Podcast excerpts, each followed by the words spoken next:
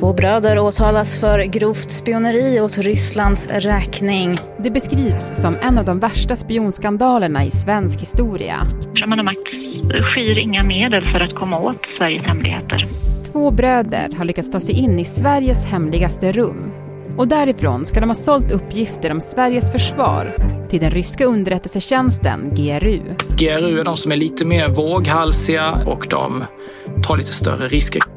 Nu inleds rättegången. Det som misstänks ha inträffat är ju mycket allvarligt. På en kvart får du veta hur bröderna gick tillväga när de infiltrerade den svenska försvarsmakten och vad vi egentligen vet om vilka uppgifter de röjt. Om detta stämmer, då är det förödande för Sverige.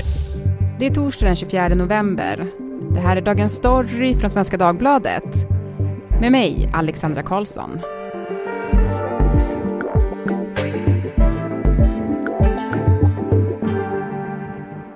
Per Kudo och Mattias Ståhle, reportrar här på SvD som bevakat fallet med spionbröderna. Först, alltså vad tänkte ni när åtalet kom och vi för första gången förstod vidden av det här spioneriet? Ja, alltså vi visste ju att det var ett stort fall, det här ett väldigt unikt fall eftersom att eh, ja, men de här bröderna greps ju då hösten eh, 2021 och eh, ganska eh, tidigt så när vi fick reda på namnet på dem så gick det ju att utläsa att den äldre brodern har haft väldigt eh, känsliga anställningar då inom Säpo och eh, Försvarsmakten. Vi visste också att den misstänkta brottstiden eh, sträcks över tio år. Så att det, det, det var ett väldigt stort fall då. Eh, men jag tror att eh, vi, många av oss verkligen ryckte till när vi såg eh, åtalet sen då, för där stod det ju att det var då för, för Ryssland de hade eh, de, de misstänktes ha spionerat. Det, det var ju inget vi visste och jag menar eh, Ryssland, eh, kriget i Ukraina, det spända säkerhetsläget, det, det gör ju att allt liksom skruvas upp ytterligare då. Mm, ja men verkligen. Det här är ju en utredning som omgärdas av stor sekretess ska vi säga. Alltså vad vet vi egentligen? Eh, ja men vi vet att eh, det är ju då den äldre brodern som står i centrum kan man säga. Eh, det är han som har haft eh, de här känsliga eh, anställningarna och det är han som då ska ha samlat in den här informationen då som ska ha lämnats över till Ryssland. Ja men vi vet, han säger då i förhör att på Säpo så jobbade han bland annat för, kring kontraspionage, alltså det, det är ju jättekänsligt, alltså Sveriges arbete mot spioner i, i Sverige. Mm. och och eh, DN har ju också kunnat eh, berätta då att han har jobbat eh, på det här, det kallas ju kontoret för särskild inhämtning på Försvarsmakten, möjligen ännu känsligare. De har ju bland annat hand om ja, men, svenska agenter utomlands. Mm. Eh, vi vet eh, ja, saker som att eh, de har ju kunnat spåra upp att det gjorts pengaöverföringar det är pengar inblandade, ganska stora summor som de här bröderna verkar ha ja, på, på, något sätt försökt liksom dölja spåren kring olika växlingskontor. Eh, och vi vet, eh, ja men framförallt att eh, man har ju hittat en, en väldig massa bilder då på den äldre broderns dator som ju verkar ha tagits under hans tid på eh, liksom Säpo och Försvarsmakten där han har fotograferat av hemliga handlingar. Mm. Eh, ja men det är vad vi vet. Sen så är det väldigt mycket vi inte vet. Man, man har valt att eh, sekretessmarkera väldigt mycket. Det här handlar ju då om två bröder. Vilka är de här bröderna? Den äldre brodern har ju till skillnad från den yngre, han har ju lyckats med sin utbildning och han eh, har lyckats med sin karriär. Eh, han har ju gått då via polisen eh, in på säkerhetspolisen på en så kallad, liksom, ett aspirantprogram, alltså ett lärlingsprogram. Han har varit prioelev pryo på säkerhetspolisen och sen blivit fast anställd skulle man kunna säga med en lätt förenkling med de meriterna i bagaget så har han ju då hamnat inom den militära underrättelsetjänsten och varit där. Och när han är klar därifrån så har han mer meriter så då kommer han tillbaks till Säkerhetspolisen igen och då kommer han högre upp i systemet. Nu blir han eh, assistent till mellancheferna på, på Säkerhetspolisen. Den andra brodern, han lever ju mer ett vanligt, ja, vad ska vi säga, enstörings arbetslöshetsliv då i, i brödernas hemstad. Han, han bor kvar hemma hos mamma långt upp i vuxen ålder och även när han flyttar hemifrån så fortsätter han att bo väldigt nära föräldrarna och sådär och får uppenbarligen mycket hjälp. Han har svårt att klara sig själv. Och han förefaller också ha en hel del vänner som Eh, ja, åklagaren då menar att de har ju varit behjälpliga när eh, storebror bestämmer sig för att nu är det dags att eh, tvätta pengar. Och det är ju då lillebror som ska ha varit liksom spindeln i nätet i den delen. Hur hanterar vi pengarna? Ett hemligt dokument öppnas någonstans i de allra mest slutna delarna av den svenska försvarsstaben. Sidorna fotograferas av direkt från bildskärmen. Dokumentet stängs innan någon annan på kontoret reagerar. Det låter enkelt.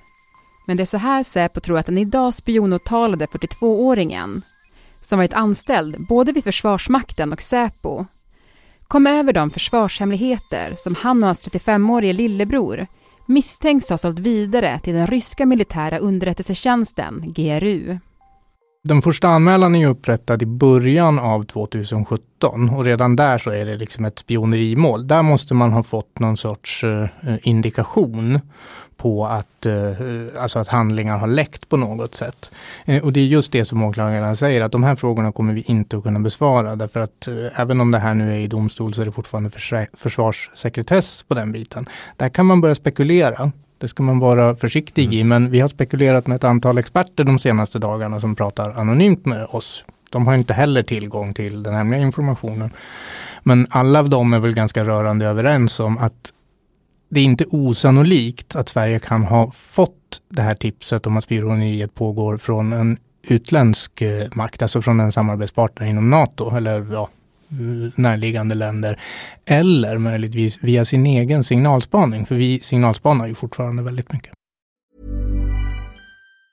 When you're ready to pop the question, the last thing you want to do is second guess the ring. At BlueNile.com you can design a one-of-a-kind ring with the ease and convenience of shopping online. Choose your diamond and setting. When you find the one, you'll get it delivered right to your door. Go to Bluenile.com and use promo code LISTEN to get $50 off your purchase of $500 or more. That's code LISTEN at Bluenile.com for $50 off your purchase. Bluenile.com code LISTEN. Om vi fortsätter att spekulera bara, jag vill understryka att det är det vi gör nu. Så att även i de lite enklare fallen eh, så kan det bli ganska allvarliga konsekvenser av det här. Men ponera att han Eh, oavsett om han haft tillgång till de tyngsta hemligheterna eller inte så kan han mycket, mycket väl ha haft personallistor. Alltså vilka personer i Sverige jobbar med de här frågorna? På Säpo vet vi att han har fått den informationen olovligen. I Försvarsmakten vet vi inte. Han kan då också ha uh, vetskap om vilka utbildningslokaler använder de här verksamheterna. Jag menar för en främmande makt som får den upplösningen så vet man okej, okay, då ska jag sätta mig här och skriva upp registreringsnumret på alla bilar som parkerar där. Det här är liksom, det är i sådana fall då den moderna versionen av polska tavelförsäljare. Då ville man veta var de svenska stridspiloterna bodde. Nu kanske man vill veta var eh, den svenska underrättelsetjänsten finns och bor. Mm. Polska tavelförsäljare. Ja, det var ju eh, återkommande rykte med viss verklighetsförankring under det kalla kriget. Alltså, det gick runt eh, tavelförsäljare och sålde tavlor. Många av dem var säkert tavelförsäljare, men man inom underrättelsetjänsten så hade man, närde man också en misstänka att de här kom från Polen som på den tiden var på Warszawapaktens sida och att de helt enkelt försökte kartlägga var borde en stridspilot någonstans. Man ville veta var stridspiloterna bodde. Om det skulle bli krig så skulle man likvidera dem först och anfalla sen. Warszawapakten var en militärallians mellan länderna i östblocket och bildades 1955 som ett svar på den västliga militäralliansen NATO. Och mitt emellan dessa allianser låg alltså Sverige. På den tiden militärt rustat för det hot som kalla kriget medförde. Och Sovjetunionen satt inte stilla i båten. Den största spioneriaffären i Sverige efter kriget kommer i dagen efter att Säkerhetspolisen haft överste Wennerström under bevakning under ett helt år. 1963 avslöjades att den svenske flygöversten Stig Wennerström varit sovjetisk spion Nyheten slog minst sagt ner som en bomb. Bara under de sista åren överlämnade han 20 000 sidor hemliga dokument. Och 1979 var det dags igen.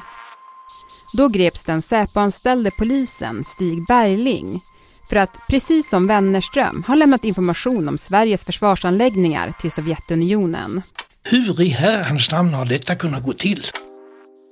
Precis som då i fallet Bergling då, så misstänks ju de här två bröderna ha spionerat för den ryska underrättelsetjänsten, GRU. Men vad vet vi om det egentligen?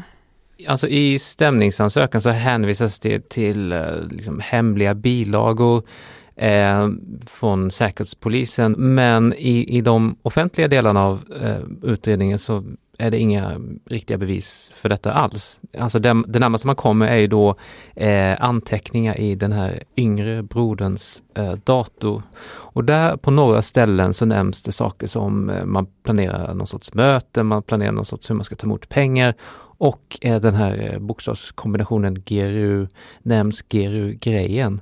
Eh, men det är egentligen det enda vi vet. Och det, det, det, för, för, oss som har eh, följt detta så kommer det bli väldigt intressant att se eh, jag menar, när man väl sen lämnar över de här hemliga bevisen då sen till domstolen, kommer domstolen anse att ja, detta är tydliga bevis för det?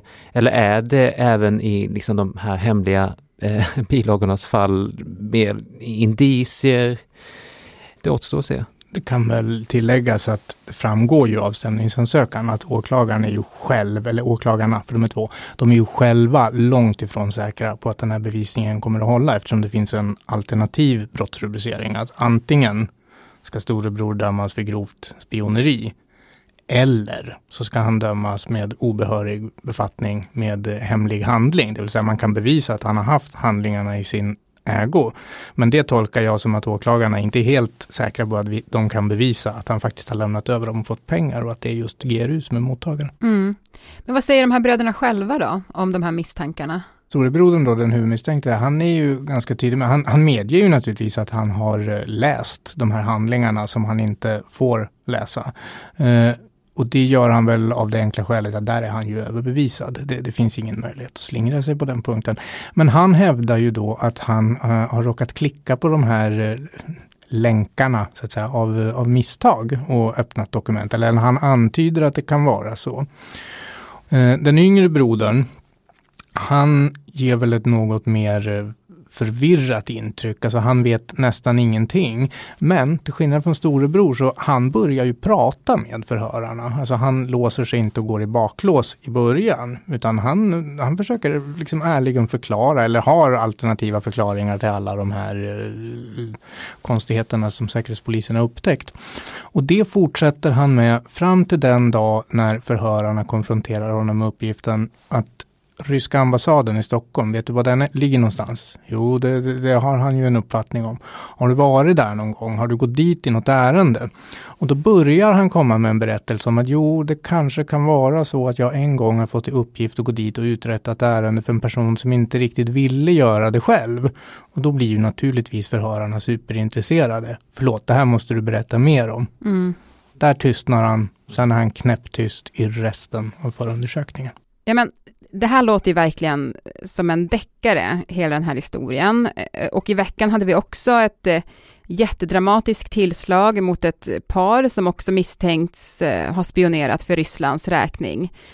Alltså hur vanligt är det med den här typen av spioneri i Sverige? Hur vanligt det är att det leder till rättegång så är det ju, det är ju jätteovanligt. Men samtidigt så är det ju så att den här typen av spionage, den pågår ju dygnet runt, året om, i alla länder i hela världen. Sverige ägnar sig åt det här utomlands. I den mån vi får den informationen så det är klart att vi tar del av den. Det finns ju inte något land som inte försöker spionera på sina motståndare. Så hela tiden skulle jag säga. Mm, okay. mm. Rättegången börjar ju nu, eh, men det kommer ju fortfarande vara mycket som är hemligt. Alltså vad kommer vi egentligen få veta under den här förhandlingen?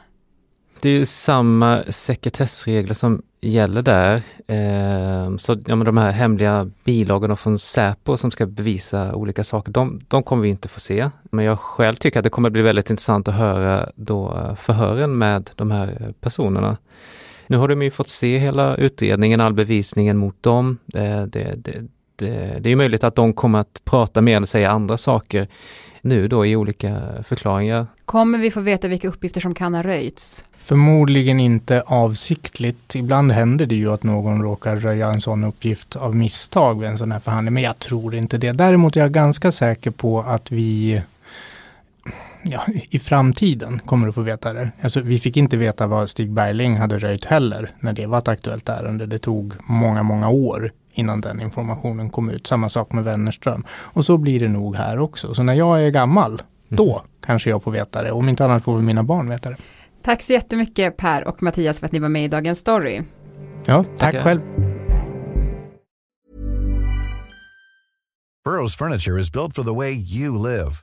From ensuring easy assembly and disassembly to honoring highly requested new colors for their award-winning seating, they always have their customers in mind. Their modular seating is made out of durable materials to last and grow with you. And with Burrow, you always get fast, free shipping. Get up to 60% off during Burrow's Memorial Day sale at burrow.com slash ACAST. That's burrow.com slash ACAST. burrow.com slash ACAST. Programmet idag klipptes av Lasse Edfast, redaktör var Erika Hallhagen och jag heter Alexandra Karlsson. Klippen i programmet kom från Sveriges Radio, SVT och TV4.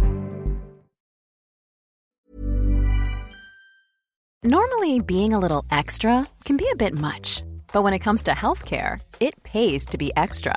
And United Healthcare makes it easy with Health Protector Guard fixed indemnity insurance plans. Underwritten by Golden Rule Insurance Company, they supplement your primary plan, helping you manage out of pocket costs without the usual requirements and restrictions like deductibles and enrollment periods. So when it comes to covering your medical bills, you can feel good about being a little extra. Visit uh1.com to find the Health Protector Guard plan for you. Vill du kontakta oss så mejla till dagensstory.svd.se.